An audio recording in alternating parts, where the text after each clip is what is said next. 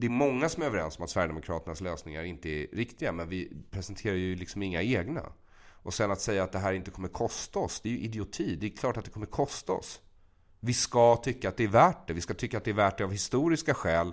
Av den enkla anledning att vi har nekat flyktingar förut. Och vi vet vad det leder till. Och den historiska skammen kommer vi få bära igen och igen om vi inte lär oss av våra misstag. Det är därför vi ska släppa in folk.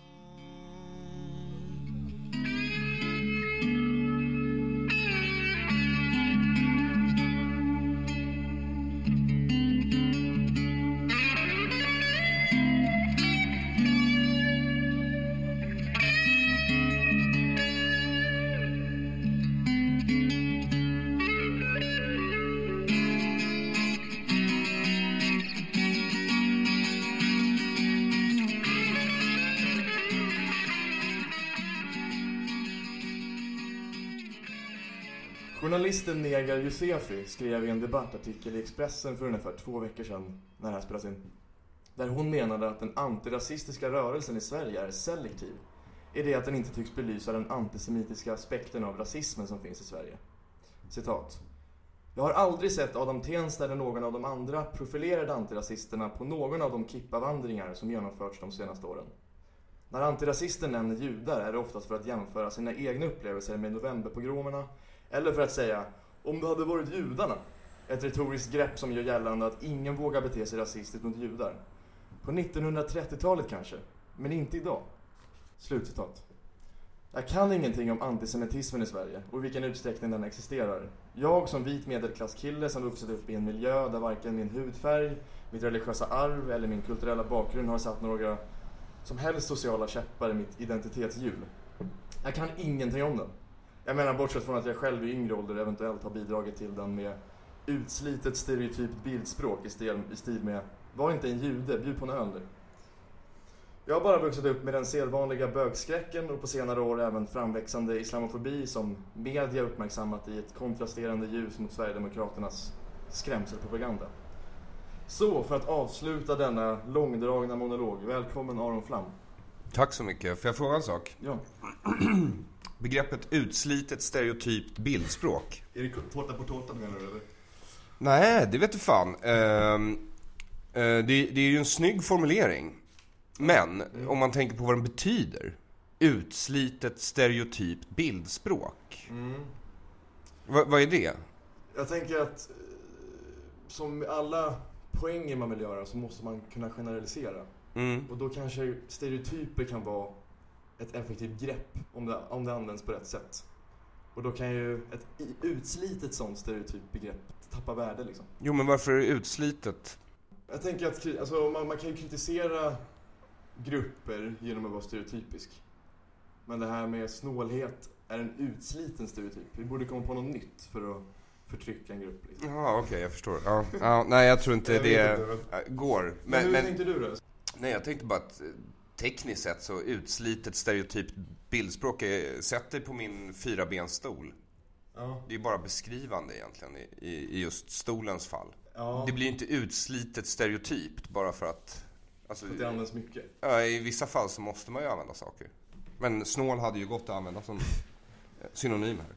Alltså jag har ju hört begreppet eh, eh, bjud på det här och det här var inte en jude flera Ja. gånger. Va? Det känns inte utslitet då menar du eller?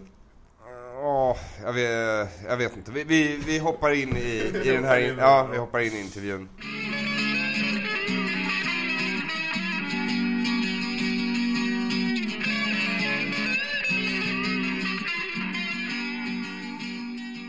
Vad, vad har du för erfarenheter av antisemitism? Man stöter på det ibland. Har det varit påtagligare någon gång än en annan liksom?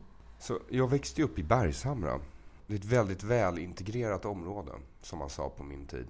Eh, Det betyder att eh, det vid något tillfälle under min barndom var cirka 152 nationaliteter sammanträngda på ett litet område.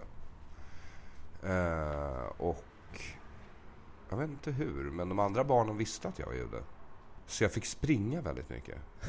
Ja, Men jag tror inte att jag hade sagt det därför att jag pratade inte så mycket med andra barn när jag var liten överlag. Det, och det gällde judiska barn också. Det var liksom ingen diskrimineringsgrej. Så det kan ju varit att de bara tyckte att jag var creepy. Det var ju väldigt mycket människor eh, som eh, kommer från andra delar av världen där antisemitismen är betydligt eh, tydligare i samhället. Mm. Den är mycket mer uttalad liksom. Mm. Eh, och eh, så det hände ju att jag var tvungen att springa väldigt fort väldigt många gånger. Mm. Eh, men det kan man väl säga gäller andra barn också, men det här var verkligen utpräglat. Sen så var det ju så att jag gick ju i skola i stan när jag väl började i skolan. För att jag gick i judisk skola. Då gick jag ju inte i Bergshamraskolan, så då blev det ju ytterligare liksom en skillnad mellan mig och de andra barnen som baserades just på min etnicitet eller kulturella identitet eller hur du nu vill se på saken. Mm. och ja, mm. så um, det skulle man väl kunna säga. Eh, eftersom eh, det baserades på min jundom och inte på att jag var tjock. Eller eh, som till exempel i Hillelskolan där jag gick. Mm. Där jag retades för att jag hade stora öron. Så barnen kunde ju inte reta mig för att jag var jude i Hillelskolan eftersom det är en judisk skola. Alla barn är judar. Förstår du? Mm. Ja, så då hittar man ju något annat. Så nu var det stora öron istället. Mm. Utstående stora öron. Mm. Eh, och sen eh, stött man på det här och där under sin uppväxt i det här landet därför att det finns där. Eh, och tydligare... Så här är det. Många undrar så här, men varför säger du att du är jude då? Du kan ju bara skita i att säga det egentligen. Eh, så blir det inga problem. No. Ja. Eh, fast det är inte sant. Därför att som jude, eller som homosexuell, så är det ett ständigt komma ut ur garderoben. Därför att du kan inte se det på dig nödvändigtvis, att du är det. Eh, så du måste säga att du är det. Därför att om du inte gör det i, nya bekantskaper så fort som möjligt mm. så kommer de förr eller senare, med betoning på förr, att dra ett olämpligt judeskämt. Och då måste du säga, ja fast jag är jude. Vid det tillfället så känner de sig istället svikna för att du inte varnade dem innan. Mm. Du behöver inte komma ut ur garderoben som svart. Folk ser ju att du är svart svart. Det gäller ju att vara kvinna också. Mm. Ja. Du behöver aldrig komma ut ur garderoben med det liksom. Folk vet det, de ser det, de anpassar sig efter det omedelbart. På gott och ont. Mm. Mm. Eh, men så är det inte med att vara jude. Så i perioder, eftersom jag inte är religiös eh, och eh, inte tror på Gud. Jag är ju sekulär jude liksom. Jag tror organiserad religion är något ont, som de flesta svenskar tror jag. Så är det ju liksom lite omständigt att behöva säga hela tiden. Hade jag bott i Nordamerika hade, jag, hade det ju antagligen inte behövt komma upp någonsin. Liksom. Nej, bara, ja, bara... Eller spelat mindre roll, bara för att alla är så liksom I'm Irish American. Eller ja, oavsett hur många generationer. Liksom. Så det, men, och plus att det här är ett väldigt blont land. Bara i Frankrike så tror jag att jag hade varit mer anonym än vad jag är här. Folk frågar ju här med tanke på att jag har mörkt hår liksom. Varför finns det sånt fokus här då om man jämför med ja, Frankrike eller USA liksom. Frågan är ju i grunden harmlös. Om en svensk ser en person som ser ut att ha utländskt påbrå mm. eh, så får man frågan, var kommer du ifrån? Eh, hade jag svarat Bergshamra, vilket jag brukade göra när jag var yngre, så fick man frågan igen. Ja, ja, men var kommer du ifrån egentligen? Mm. Eh, och det är ju liksom, eh, och där, där, där borde du ju vara ärlig liksom.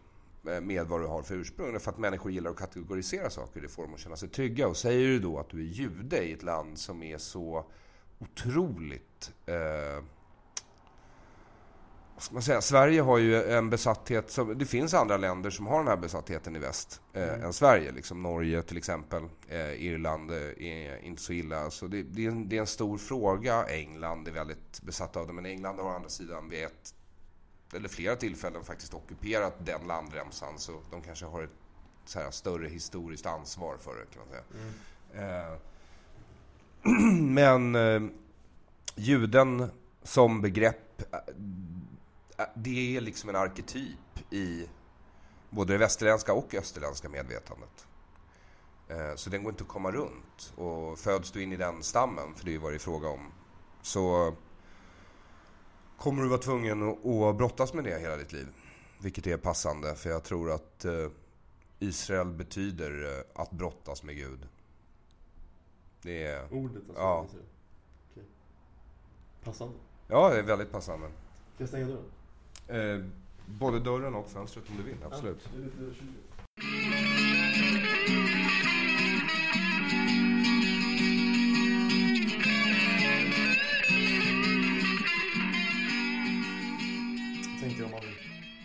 så tidigt som möjligt säger till nya bekanta jag är jude. Mm. Då ger du dem ett verktyg, ett filter. Vilket, I vilket ljus de ska ställa dig i när de pratar med dig. Är det inte bättre att göra det lite svårare för dem? Att försöka klistra ihop och inte ge dem den här vägledningen till kategorin liksom.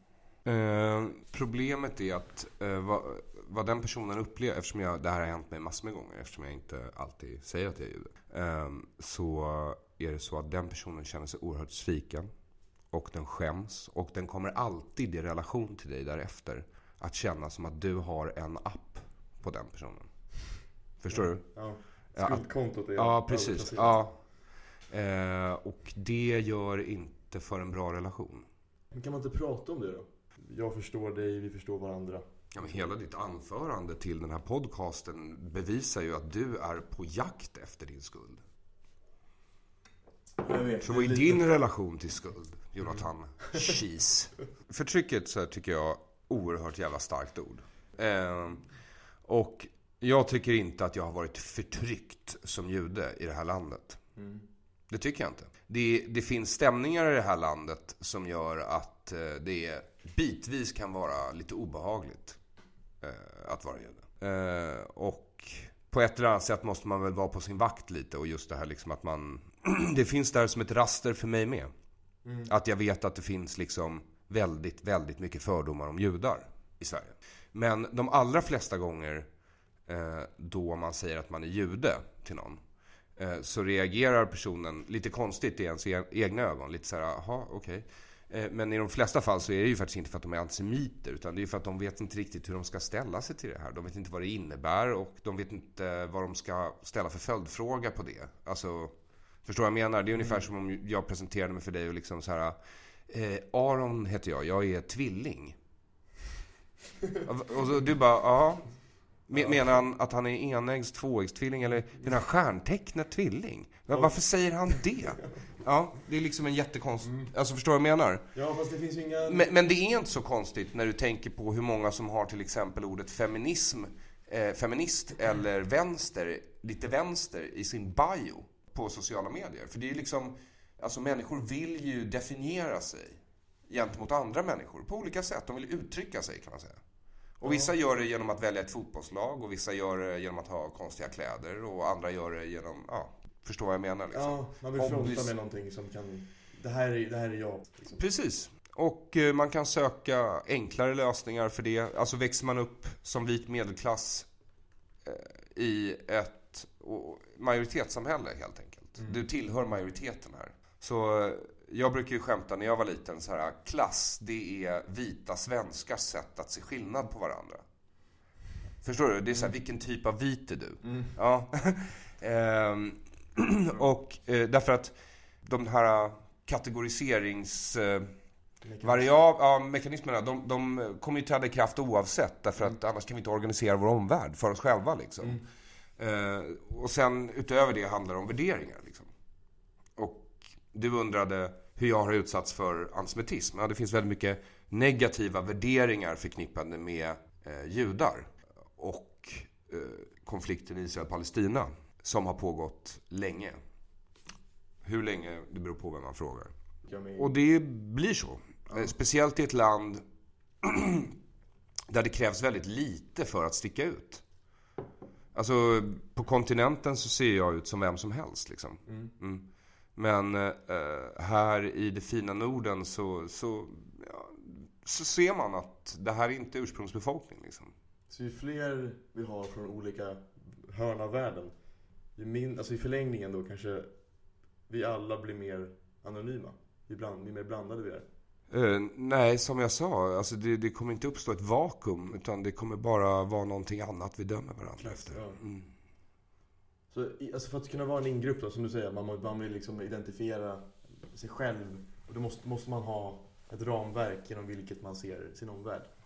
Alltså, jag är vit eller jag är... jag är Vi har ett sånt så. ramverk. Vi har ett biologiskt ramverk och vi har ett psykologiskt ramverk. Mm. Och sen så finns det kulturella strukturer och massor med saker du lär dig som du lägger på raster, som du skulle säga. Mm. Ja. Eh, filter, helt enkelt. Och eh, Vissa behöver vi för att överleva. Vi ser i tre dimensioner till exempel. Vi luktar, eh, vi känner doft inom vissa frekvensområden. Smak, ljud inom vissa frekvensområden. Det taktila, alltså känslor. Mm.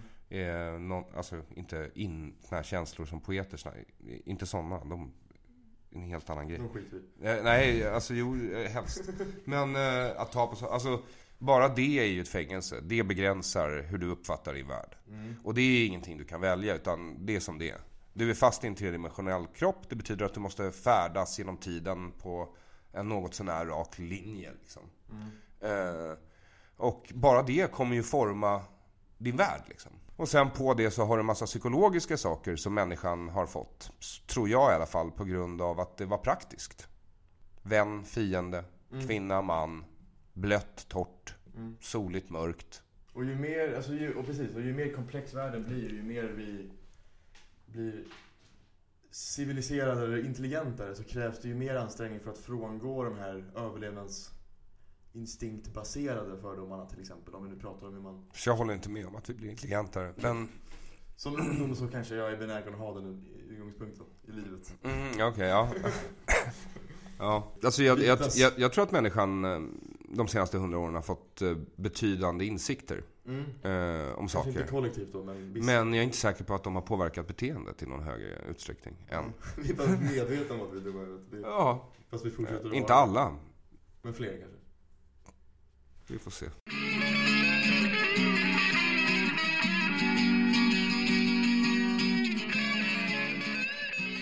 Eh, fråga två då. Ja, vad var fråga ett? Fråga, ja just det, vad har du för erfarenhet av antisemitism? Men, ja. Ja, Så alla de där judekommentarerna, springa från folk. Eh, vid ett tillfälle blev jag misshandlad eh, på Öland. vill du berätta om det? Visst. Eh, eh, någon kille drog ett olämpligt judeskämt. Jag sa till honom att jag var jude och att han skulle lägga av. Eh, och eh, sen eh, var det inte så mycket mer med det. Och sen gick jag förbi toaletten på den här klubben någon timme senare. Och då släpade han in mig och spöade på mig. Och ja, mm, that's about it. Det blev en dubbel punchline då. Skulle man kunna säga. Mm. Men en värdefull läxa. Att man alltid ska ha någonting vasst i handen. Mm. Ja. Så du sitter där med ditt svärd nu på sängkanten. Det är efter det. Nej, det, det hade jag sen innan. Så det har väl hänt. Ja. Sen händer det bara saker. Massor med saker. Hela tiden. Men jag kan inte, jag kan inte sätta mig in i det där alls, för jag har ju inga sådana... Jag har inga, det finns inga Men du har fått spö någon gång? Nej, men jag är mer den som eh, bryter upp bråk. Jag hamnar inte i sådana situationer faktiskt. Jag har varit ganska förskonad från det. Mhm. Inte för att jag är smartare eller sådär mer diplomatisk än andra som hamnar i bråk, men... Det tror jag inte. Du kanske bara har ett utseende som gör att ingen vill slå dig. Ja, det är synd om honom redan liksom. Därför ska vi tillknyckla honom. Ja, lite. Men Ehm, det, alltså jag, kan inte, jag kan inte sätta mig in i den... Jag vet inte hur stort det på, hur mycket det påverkar dig, den här att det finns att... Du jag du- sitter ju och blir massa- intervjuad i en podcast på grund av den, så rätt mycket. Men, men det kanske är självpåtaget i just det här fallet. Nej men, ehm, det är en aspekt av livet. Mm. Mm. Men jag visar inte heller eh, min kulturella identitet så öppet på det sättet. Alltså jag går inte på gatan i kippa, jag har inte skägg, jag har inte pejes som är de här öronlockarna, tinninglockarna. Eh, jag har inte en stor svart slokhatt från 1200-talets Polen. Eh, Men Det är ju chassidjudarna som... Ja, till precis. exempel- Till exempel, ja. Du menar att du skulle kunna göra det lättare för antisemiter att Absolut. förtrycka dig? Ja, ja, utan problem. Mm. Eh, eh, men jag vill heller inte klä mig så. Det, det är liksom ett icke-problem för mig. Ja, och sen när det gäller annan, när man säger att man är jude i Sverige, det för ju med sig, som du säger, massa idéer om vad det innebär. Så då kanske det är dig man ska fråga egentligen. Jag tror jag är ganska eh, förskonad från för, judiska fördomar liksom. Eller fördomar om judar snarare. Jag vet inte om när jag, du är jude, det säger mig inte så jättemycket egentligen. Nej. Förutom den här historiska kontexten då att Hitler använde judars företagsamhet för att trycka ner, ja de snor alla pengar och... Alltså man först, den hi- historiska kontexten är jag medveten om, men personligen vet jag inte om jag... Så det första du tänker på, det är förintelsen? Ja, eller ja, beroende på hur frågan formuleras. Eller, och, och då inte ett, ett folks skuld, inte Tysklands skuld, utan Hitler, en person. Nej, det är ju hela Tysklands skuld, då i så fall. Men att Hitler då, det är lättare att säga Hitler, den eran liksom. Den perioden, Ehm, tänker jag snarare. precis, men han, han, han verkade ju i en miljö där han tillåts verka liksom. Mm. Mm. Eh, Mm, så är det Så är det. Och eh, förintelsen var väl störst och mest organiserad. Eh, tyskarna utplånade ju eh, ja, en stor del av Östeuropas, om in, inte nästan hela Östeuropas judiska befolkning. mm. Men eh, eh, innan dess så i varje land så var det liksom pogromer hela tiden. Liksom, det var ett eh, söndagsnöje när man blev tillräckligt packad och förbannad att man eh, gick ihop alla grabbar i byn och så bara stormade man den judiska delen av stan eller den judiska grannbyn. Brände allt och våldtog alla. Och sen drog man. Det var bara så det var i 2000 år, om inte mer. Mm. Ehm, så Hitler existerade inte i ett vakuum, så att säga. Nej, men jag tänker 20 och 30-talets Tyskland, det blir väl en, en väldigt tydligt, väldigt konkret exempel på symptomen som redan fanns då, i tusentals år innan. Lätt att peka på Hitler liksom. Alltså, det är väl på ett eh, pedagogiskt sätt. Då. Ja, det kan man väl säga att det är absolut. Det är Goodwins lag, vet du. Att, eh, Så fort någon refererar till den andra som Hitler eller nazist så är diskussionen över. Och det sker alltid inom sex kommentarer. Men... eh, Ja, vad, något mer liksom. Erfarenheter, så här, eller så här, någonting du vill ta avstamp i där? Eller ska vi gå vidare till nästa fråga? Det finns så mycket att säga och jag är, Det finns mycket att det säga. finns hur mycket som helst. Liksom. Så här är det. I den mån folk vet något om judar är de inte jätteförtjusta i dem i det här landet. Det här är ett väldigt, väldigt pro-palestinskt land. Men jag tror inte det har så mycket med palestinierna att göra att det är pro-palestinskt. Utan jag tror att det i grunden är ett väldigt antisemitiskt land. Sverige. Eh, Ett exempel jag kan nämna är eh, sista avsnittet tror jag av första säsongen av Historieätarna. Eh, Det är ändå ett väldigt populärt program. Handlade om 40-talets mathållning helt enkelt.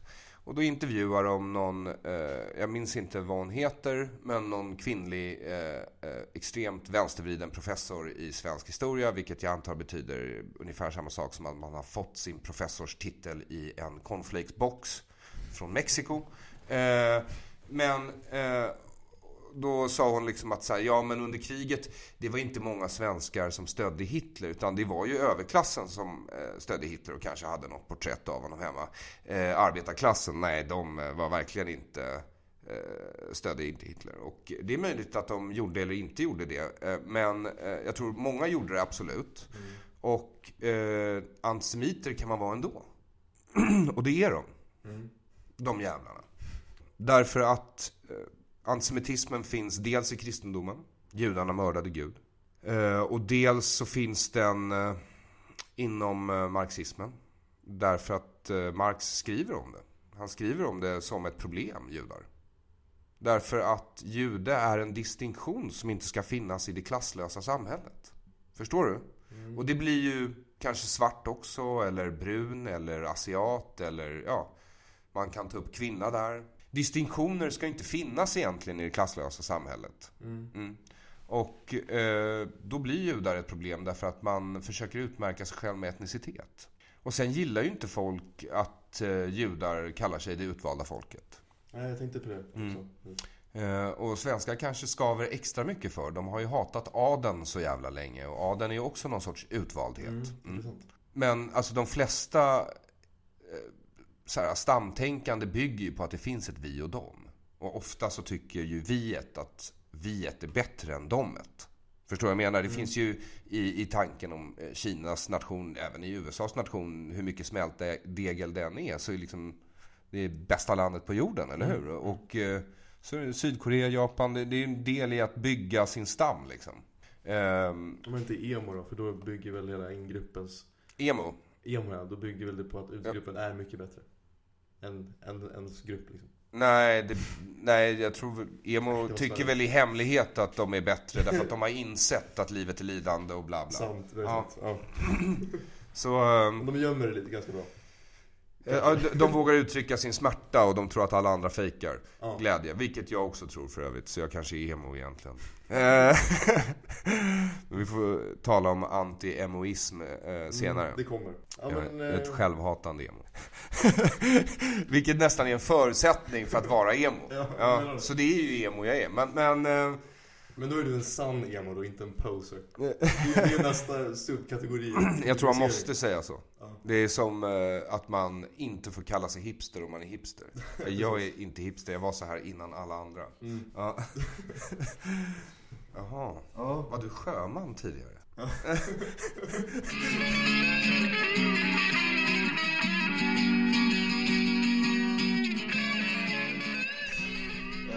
fråga två då. Nej men, ja. Nej, eller... Men det finns mycket att säga, det är där vi Ja, är. det Vi är har, det. lä- vi har lämnat din struktur nu. Ja, det- jag märker, märker Eh, det. ja. Jag vill bara... Jag vill bara samla upp allt vatten nu som flyter. Ja, så då har, vi allt, då har vi allt det här. Mm. Eh, och sen så, judar har varit väldigt få i Sverige. Och är väldigt få i Sverige. Hur många är de? Eller ni? 10 till 15 000, något sånt. Ja. Men är det för att ni inte... Jag såg någon eh, Uppdrag granskning intervju med Christer Furumark och någon eh, judisk eh, företrädare. Mhm. och hon sa att, vilket ja, det är ju bara historiskt korrekt, att judar inte har missionerat. Nej, Ni har inte haft det. Nej. Mm. Och att det kan vara en, Nej det är, precis. Det är en, det är en VIP-klubb. Det är irriterande för folk. en självvald minoritetsställning. Skulle man, ni skulle kunna vara mycket fler ifall ni hade missionerat. Som kristna gjorde. Jo, men exempel. precis. Men, men uh, judendomen är ju inte... Alltså i, i, i grunden så är det ju liksom inte bara en religion, liksom, utan det är en etnicitet också. Eh, eller en stam, eller vad du nu vill. Eh, det är ju det som är kristendomens innovation. Det var ju det som Jesus gjorde, eh, kan man säga. Men han gjorde ju inte det. Han försökte bara konvertera. Själv försökte han bara upplysa judar om hans nya insikt. Liksom. Men innovationen som kristendomen gjorde var ju att de slutade missionera bland judar och började helt enkelt missionera andra. Liksom. Det är så man växer. Det är en tillväxtstrategi. Ja, anpassa sig Ja. efter samtidens olika strömningar liksom. Ja, men jag, jag var på den judiska begravningsplatsen i Stockholm för några veckor sedan. Mm. Eh, och eh, då tänkte jag det att eh, fan det är inte illa pinkat av en liten vulkangud från Mellanöstern liksom. Okej, den blev inte störst men ändå liksom några tusen år på nacken finns kvar. Det är inte så illa. Det är ju en bedrift på nätet också att ni har varit en en flisa i ögat för många. Ja, därför att de flesta också runt omkring var ju politister. Och eh, politister kan ju komma överens med varandra därför att eh, eh, även om man liksom alla har en vattengud så ja, ni kallar honom Poseidon, ja, vi kallar honom whatever. Alltså det, är, eh, det är samma grej. Vi, bara, vi har olika namn för samma grej. Men i judendomen så är det ju liksom från början. Jag är din gud, jag och ingen annan. Du ska inga andra gudar hava jämte mig. Har jag för mig att det är någonting i stil med det. Laddo. Ja. Ehm, Det blir högre insatser då om man har en gud. Precis, och om man dessutom kanske det. säger att de andra gudarna är fake liksom. Då, det, det, är- det är ju en krigshandling kan man säga. Ju... Mm. Mm. Så vad du säger, skyll er själva på något sätt eller?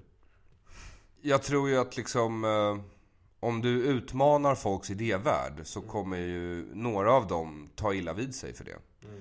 Den förnyelse av kan man säga, tidsperspektiv som monoteism innebär. Mm. Att det faktiskt finns en framåtrörelse i världen. Att det inte är ödets hjul som bara mal runt, runt i, du vet, någon sorts Mm. reinkarnistisk tanke. Den har mänskligheten dragit nytta av. Och fått lida jävligt mycket för givetvis också. Men, men den har människan dragit nytta av ända fram till Einstein. Liksom. Mm. Då man återgår till någon sorts den plus vad vi hade tidigare. Eller vad politismen innebär i perspektiv av tid. Så det har ju berikat människans idévärld på något sätt. Oavsett om man behöver liksom köpa hela den sanningen nu eller inte. Så, så. Har öppnat upp för det ändå. Ja, eh, men det är också så att eh, en idé vars tid är mogen så att säga. Eh, kommer komma ändå förr eller senare. Så det hade säkert uppstått och det har ju funnits monoteistiska tendenser i andra kulturer tidigare också. Vilket för oss Omärkligt vidare till fråga två. Jaha, okej.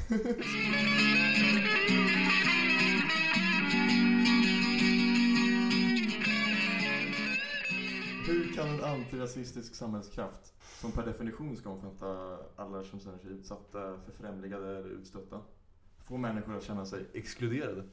Typ den här eh, sociala medier, vänsterpräglade antirasistiska rörelsen. Man, kan ju, skulle, man skulle kunna fånga upp feminismen där också. Att Sara Larsson, nu är hon, ju, hon är ganska ung nu för sig. Och det, det är ju inte på något sätt för att förminska hennes idéer. Men hon är ju ung, kommer från det perspektivet. Men hon har ju sagt att hon hatar män. Mm, mm. Det känns ostrategiskt menar jag bara. Alltså det här är väl... Jämställdhet är väl bådas vinning på något vis. Båda könens vinning. Men då exkluderar man det då för att belysa någon slags tolerans som behöver finnas. Det, finns, det är en paradox i det tycker jag. Jag blir inte provocerad av Sara Larsson. Sara Larsson är men- ung och arg och jag tycker Ja. det är helt okej att vara ung och arg. Men, men, Mm. eh, men, men Gör och jag förstår henne. Jag har ju träffat män. Så jag, det är liksom inte någon överraskning att de kan vara hatade. Men jag har också träffat kvinnor. Så det överraskar mig inte heller att det finns ett visst kvinnohat i samhället. Nej, Ta- men, precis. ja, På men individnivå då liksom. jag vet inte. Alltså, jag tycker mest... Jag är inte expert på antirasism och jag vet inte vad lösningen på allt det här är. Men jag försöker se världen för hyfsat vad den är. Mm. Och jag är lite trött på att eh, olika minoriteter används på olika sätt som slagträn i debatten mellan höger och vänster i det här landet. Generellt. Mm. Eh, vi eh, används av vänstern som slagträ mot högern. Mm.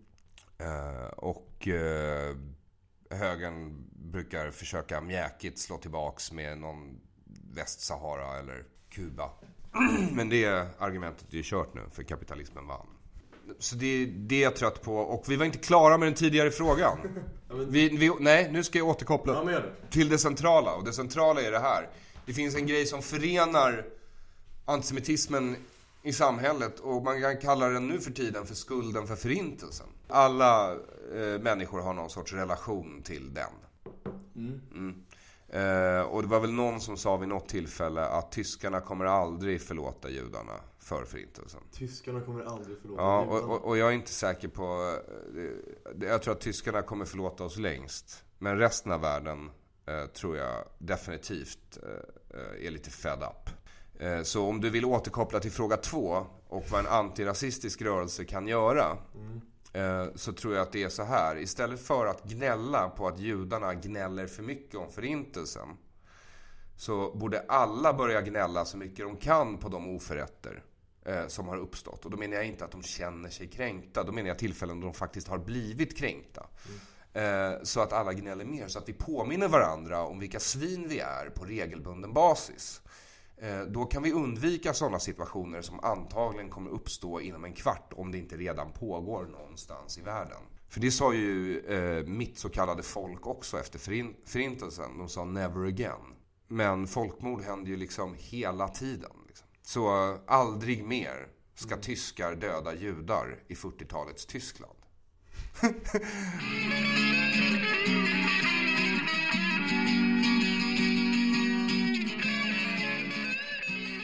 nollvisionen, det är nollvisionen som det är fel på. Vi ska inte ha nollvisioner.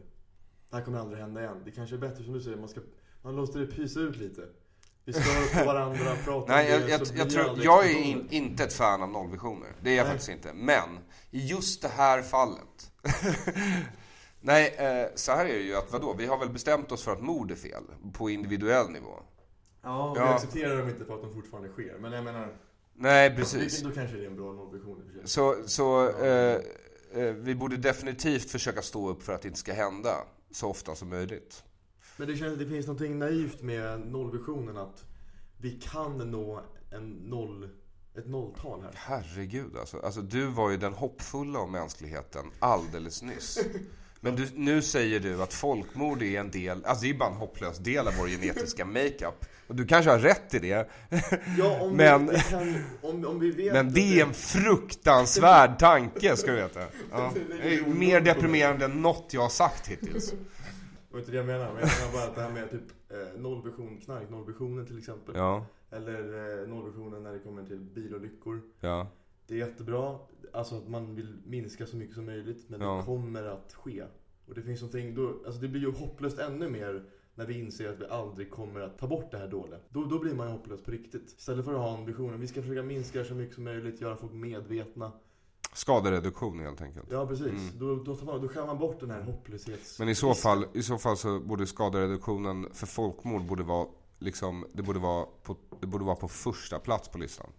Ja, Det är helt klart en av de här viktigare sakerna vi borde ta itu med. verkligen. Men eh, nu pratar vi om genus. Så, eh, ja. Ja, men så det var inte så hopplöst då?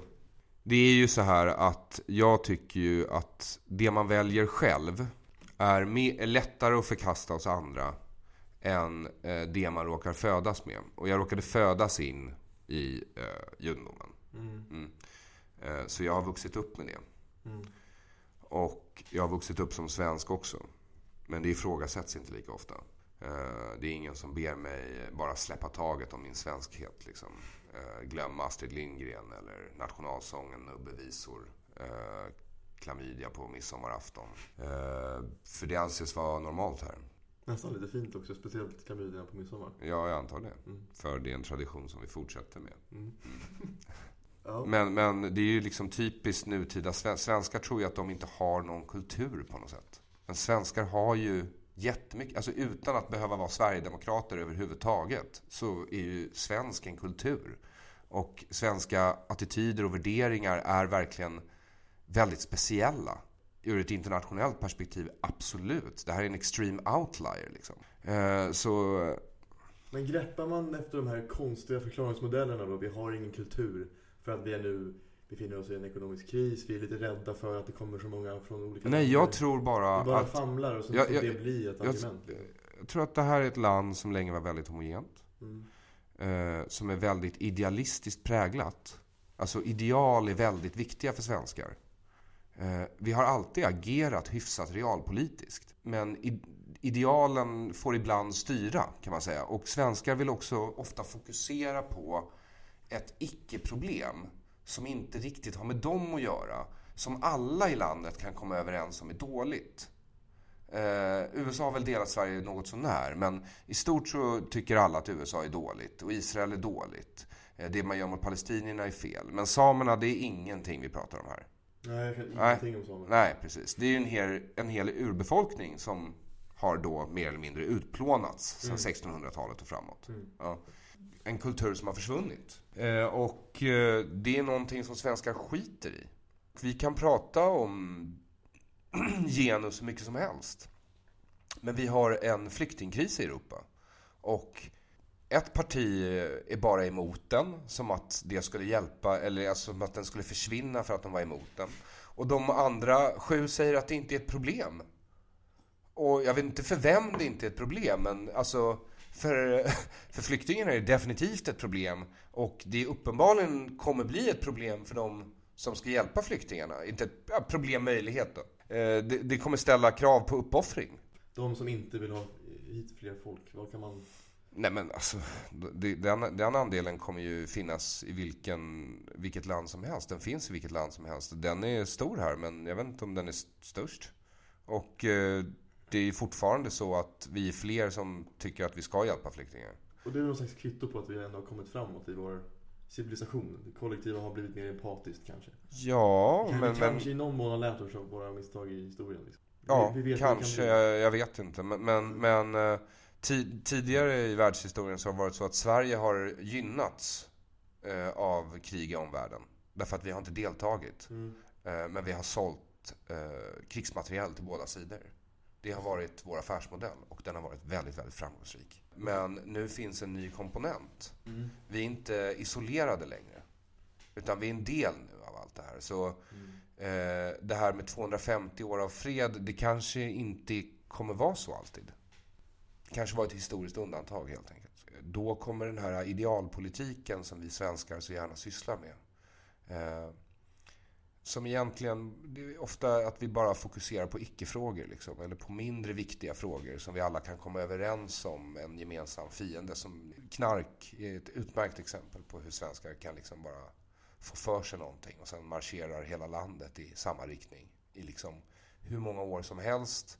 Rakt emot all vetenskap, all fakta, alla underlag.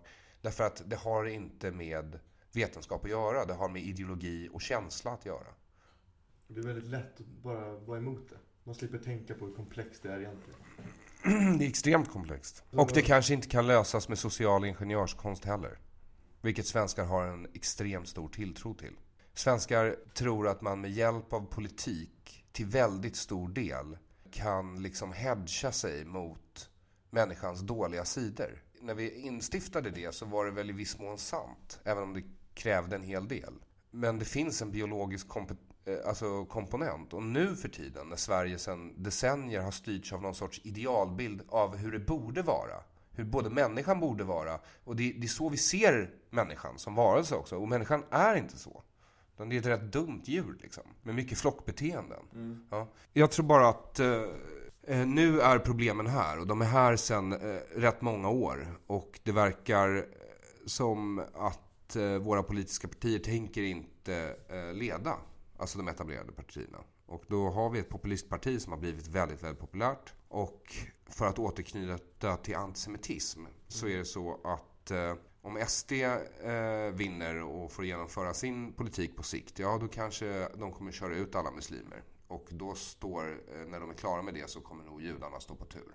Kanske inte, jo, antagligen först. Det är inte bra. Eller så eh, kommer det hit eh, några miljoner människor som, eller några miljoner, men några hundratusen människor som, som eh, kanske har en helt annan och väldigt eh, mycket starkare antisemitism hit. från den muslimska delen av världen. Och det är inte heller bra. Mm.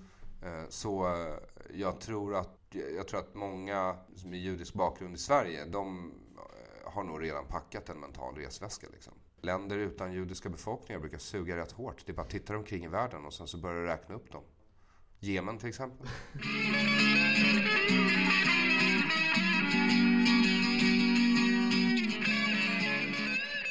Men jag tänker på Svenskarnas parti som inte ens finns längre. De fick ju så mycket medieuppbående för några år sedan. När det var Almedalen typ. De sa, Nazister. Nazister. Ja, ja, nej, nazismen är nog en ideologi som är eh, svår att få anhängare till nu för tiden. Alltså det är svårrekryterat. De har ett imageproblem. De måste göra en varumärkesförflyttning, de tror jag. byta PR-konsult. Ja, och, men, men, populistiska partier med fascistiska förtecken. Mm. Eh, eh, de växer ju liksom. Ja, de gör ju det. Jag tror att, vad jag skulle komma till var att Svenskans parti fick så jävla mycket mediauppmärksamhet under, under någon Almedal. Och jag tror att kan det ha att göra med att vi, vi vet inte riktigt hur vi ska handskas med Sverigedemokraterna och deras frammarsch. Alltså jag vet inte ens, alltså vid det här laget så vet jag inte ens om du behöver bemöta dem. Utan du behöver bara säga att vissa områden eh, av politiken är inte sakrosankta utan vi kan diskutera dem. Vi kan diskutera dem, vi kan fortfarande ha människors lika värde mm. som utgångspunkt. Eh, men vissa av de privilegier svenskar har ställer sig i vägen för de lösningar som faktiskt finns. Till exempel? Ja, alltså det här är ju ett land där facken styr väldigt mycket. Och vi vill inte se en låglönemarknad och vi vill inte se människor som har sämre boenden än de vi själva har. Till exempel. För vi tycker att det är orättvist. Mm. Men det är att utgå från ett ideal snarare än att utgå från vad som faktiskt är. Vad som faktiskt är att det är massa, massa, hundratusentals, miljontals människor på flykt. De har ingenstans att ta vägen.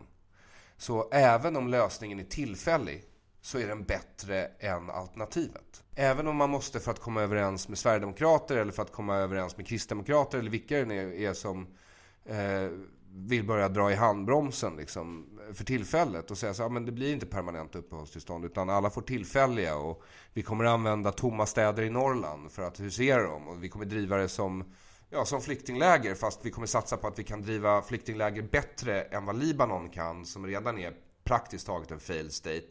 Eller Turkiet som faktiskt också nu håller på att bli en failed state.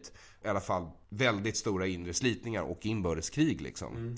Alltså, jag tror att Sverige på riktigt skulle kunna sköta enorma flyktingläger bättre än Turkiet och Libanon. Jag tror det. Mm. Alltså, jag vet inte, men jag, jag bara satsar. Alltså, det kanske är nationell stolthet eller någonting, men vi är ett organiserat folk alltså. Vi gillar organisation liksom. För det handlar inte längre om de här 140 000 flyktingarna som EU kom överens om äntligen häromveckan. Mm.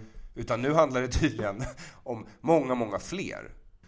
Vad tror du om, för att ro hem den här poängen som jag tänkte göra eh, om att varför Svenskarnas parti fick så mycket uppmärksamhet. Kan ha att göra med att då kan vi alla enas om att ja, men det där är, Är dåligt. dåligt. Ja. Det är väldigt tydligt att det är dåligt. Då slipper Mm. vi tänka på det komplexa med Sverigedemokraterna och de väljarna som har problem där. Mm. Eller vi- Miljöpartiet. Eller Miljöpartiet. Eller Vänsterpartiet. Eller Vänsterpartiet. What have you liksom. Vi, vi liksom söka de här ytterligheterna och ge dem mycket uppmärksamhet. Då slipper vi tänka på hur komplext det är i mitten. Eller ju närmare Ja mitten men vi är. det är ju precis det jag menar med narkotikafrågan Ja. eller identitetspolitiken Precis. eller, eller liksom Alltså att det är så, vi tar någonting extremt som vi alla kan marschera åt samma håll och ignorera de riktigt stora problemen som nu. Mm. Alltså verkligen. Mm. Mer än någonsin. Och det har varit skriande länge, men det blir mer och mer skriande. Eh, och vi är alla överens om att Sverige, eller det är vi inte längre, men det är många som är överens om att Sverigedemokraternas lösningar inte är riktiga, men vi presenterar ju liksom inga egna. Och sen att säga att det här inte kommer kosta oss, det är ju idioti. Det är klart att det kommer kosta oss. Vi ska tycka att det är värt det. Vi ska tycka att det är värt det av historiska skäl. Av den enkla anledning att vi har nekat flyktingar förut. Och vi vet vad det leder till. Mm. Ja, och den historiska skammen kommer vi få bära igen och igen om vi inte lär oss av våra misstag. Det är därför vi ska släppa in folk.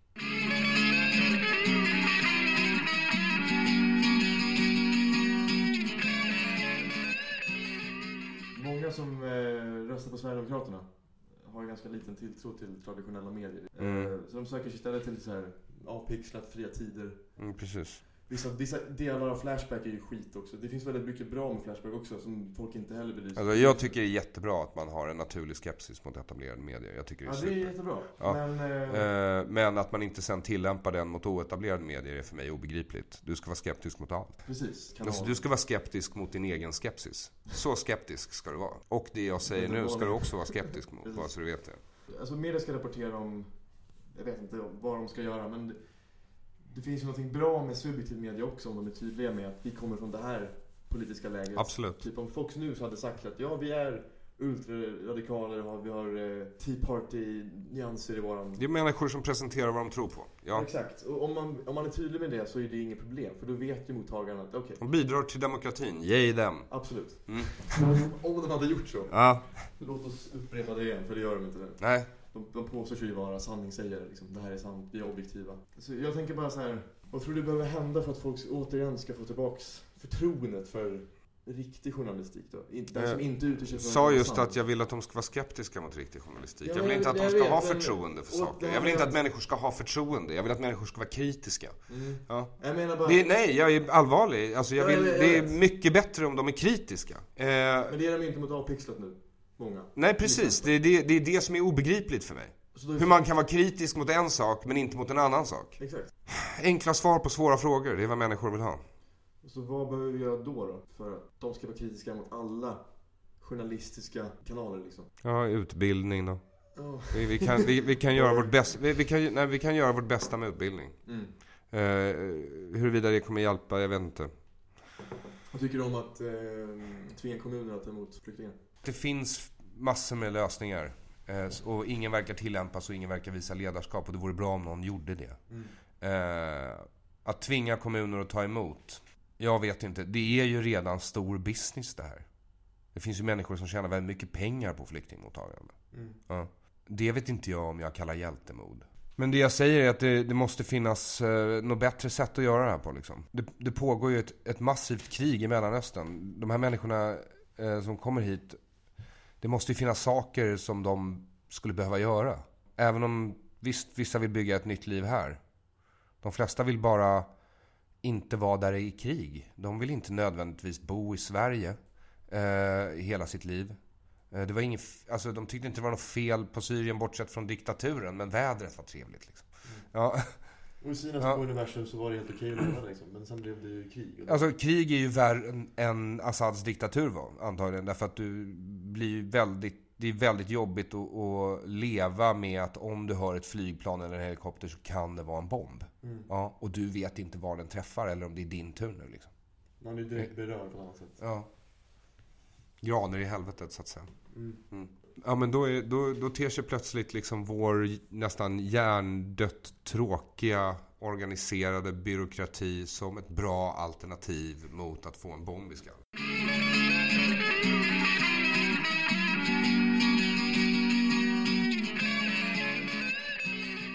Tycker du begreppet rasism har dragits för långt? Nej, men det vet jag inte. Det är liksom lite som antisemitism eller kvinnors naturliga underordning. Det finns där i bakgrunden. Mm. Det är liksom mera omfattande. Så jag, jag, jag tycker absolut det finns en rasism. Mm. Och antisemitism. Och definitivt eh, en ojämställdhet mellan könen. Men det, jag vet inte, alltså, kan det finnas en risk med när man eh, betecknar någons oro, okunskap, eh, oerfarenhet vad det kommer till andra kulturer, det, det utbytet. Kan det finnas en risk med att säga att det är rasism? Kan det, finnas, kan det uppstå en låsning då i samtalet och få folk att tänka nytt? Jag tror du tänker på Soran Ismail. Han tycker ju det. Han tycker att det är onödigt att uh, göra det. Men jag tycker att det är väl ungefär som att byta ord på en utsatt minoritet. Mm. Alltså förstår du? Med att, Det att, samma att, att, ta bort n-ordet och, och ersätta det med eh, först svart och sen blir det s-ordet och så blir det eh, afrosvensk och så. Alltså, Så blir det är att, det är att liksom ge sig på ett symptom snarare än en grundorsak.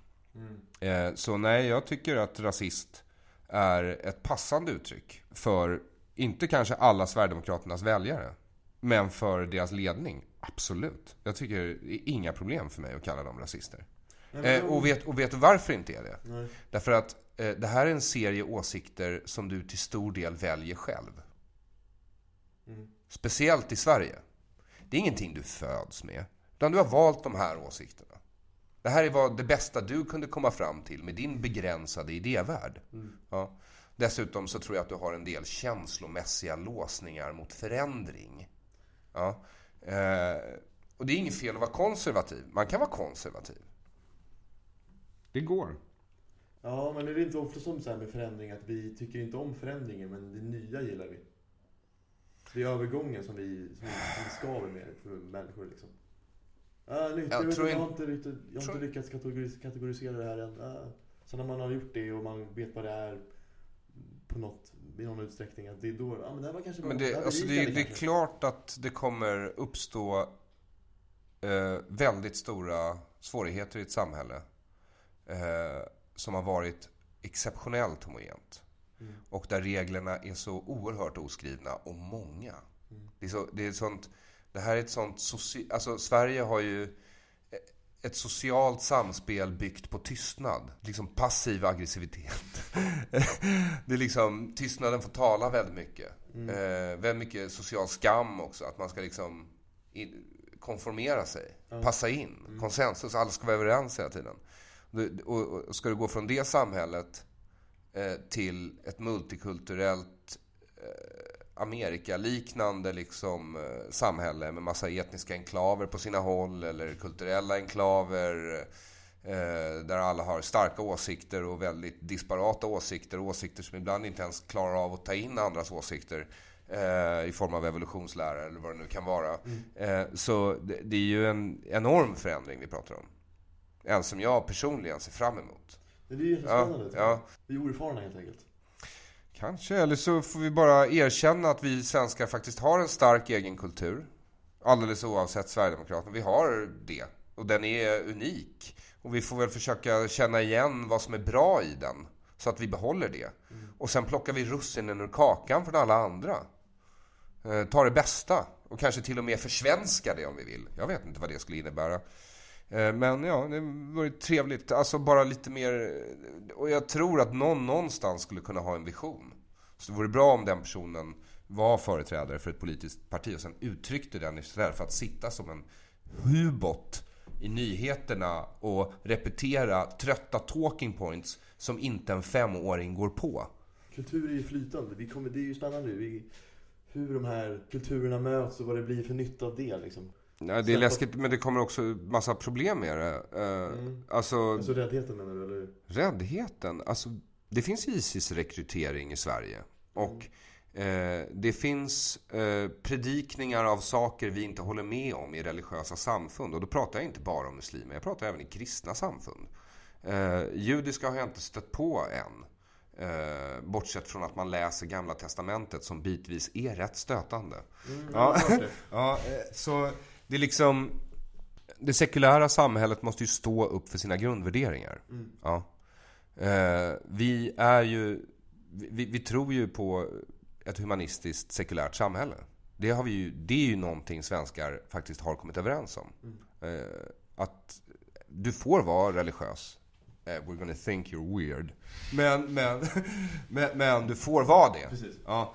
Så det är liksom, vi måste stå upp för våra grundvärderingar väldigt, väldigt tydligt. Vi måste våga stå för det och det är någonting... Och vi anser ju att det här är självklarheter. Mm. Så vi tycker inte det ska behöva sägas ens. Men det kommer behöva sägas igen och igen. Mm. Eh, speciellt om människor kommer hit från eh, andra kulturer där de har kanske andra värderingar. Om förhållanden mellan män och kvinnor. Alla de här problemen kommer att existera. De existerar ju redan i vår kultur. Så varför, alltså, Vi kan ju inte ha överseende med det för att de värderingarna som skiljer sig råkar komma från en minoritetsgrupp. tyvärr inte, nej. Nej. Nej. Det, är, ju- viktigt då att vi, Att ni står upp för det, ja. ja, Mm. att vi står upp för det. Eh, precis, exakt. Självexkluderande. Ja, ja, men jag är så gentemot alla grupper. Jag gillar inte grupper. Nej. Ja men jag vet inte, det var väl typ allt jag hade att komma med om du... Var det allt? Ja, så tyckte. Nej, det, det är det inte. För vi, disk- vi började ju det här med Nega Josefis artikel. Ja just det. Mm. Mm. Eh, Ja, finns det en viss blindhet? Ja, man, Ja. man ser lite Ja, det gör det. Ja. Nej, men det gör det. Så är det ju givetvis. Den antirasistiska, den självutnämnt antirasistiska rörelsen Mm. i Sverige. Mm. Eh, som är en del av vänstern tydligen. Tycker du att den är en del av vänstern? Är, eller ser du den här antirasistiska rörelsen som politiskt ofärgad? Inte den självutnämnt antirasistiska rörelsen. Den ser jag som politiskt väldigt färgad. Av vänstern. Egentligen handlar det bara om att de har sina lag som de hejar på. Och högern verkar ha sina lag som de hejar på. Av ingen eh, som helst, eh, ibland eh, bättre eller sämre anledningar. Men framförallt helt utan hänsyn till lagen de faktiskt hejar på. Eh, eller motståndarsidans lag. Eh, och det är tribalism. Liksom. Och det handlar om att definiera sig själva och väldigt mycket om att glömma problemen i det här landet. Därför att eh, så blir det ju liksom. Ja, men det, det var någonting i somras med någon YouTube-profil. Hon hade... Louise Bodsten. Louise någonting ja. Hette hon så? Bodström. Ja, Hon hade någon sketch där, där hon hade använt n-ordet. Mhm. Och hon skulle få något program på TV4. Mhm. Eh, men sen uppdagades det här sketchen då att hon hade Mm. använt n-ordet. Bad om ursäkt jättemycket. Förlåt, det här var, det här, det var en sketch. Det var inte illa menat. Jag ber om ursäkt om någon blev... För att folk blev kränkta av det här eller illa berörda. Mm. Men hon... Programmet eh, avbröts. Hon skulle inte få göra det här programmet då. Samtidigt så får Adam Tensta och and- Danny M, Mm. rapparen, få uttala sig på TV4. De har kommit med väldigt många antisemitiska uttalanden. Mm, jag man vet. ser lite från... Är det, är det med... dub- Det dubbla i det. Det känns intellektuellt ohederligt att när en grupp som är utsatt eh, uttrycker eh, antisemitiska åsikter och en annan grupp som då tillhör majoriteten Mm. inte får göra det. Trots att man ber om ursäkt. Liksom. Min kollega Ola Söderholm sa en gång att, eh, till mig att judar ses inte som underdogs och därför har de inte varit en minoritet som vänstern natur naturligt ser sig nödgad att försvara.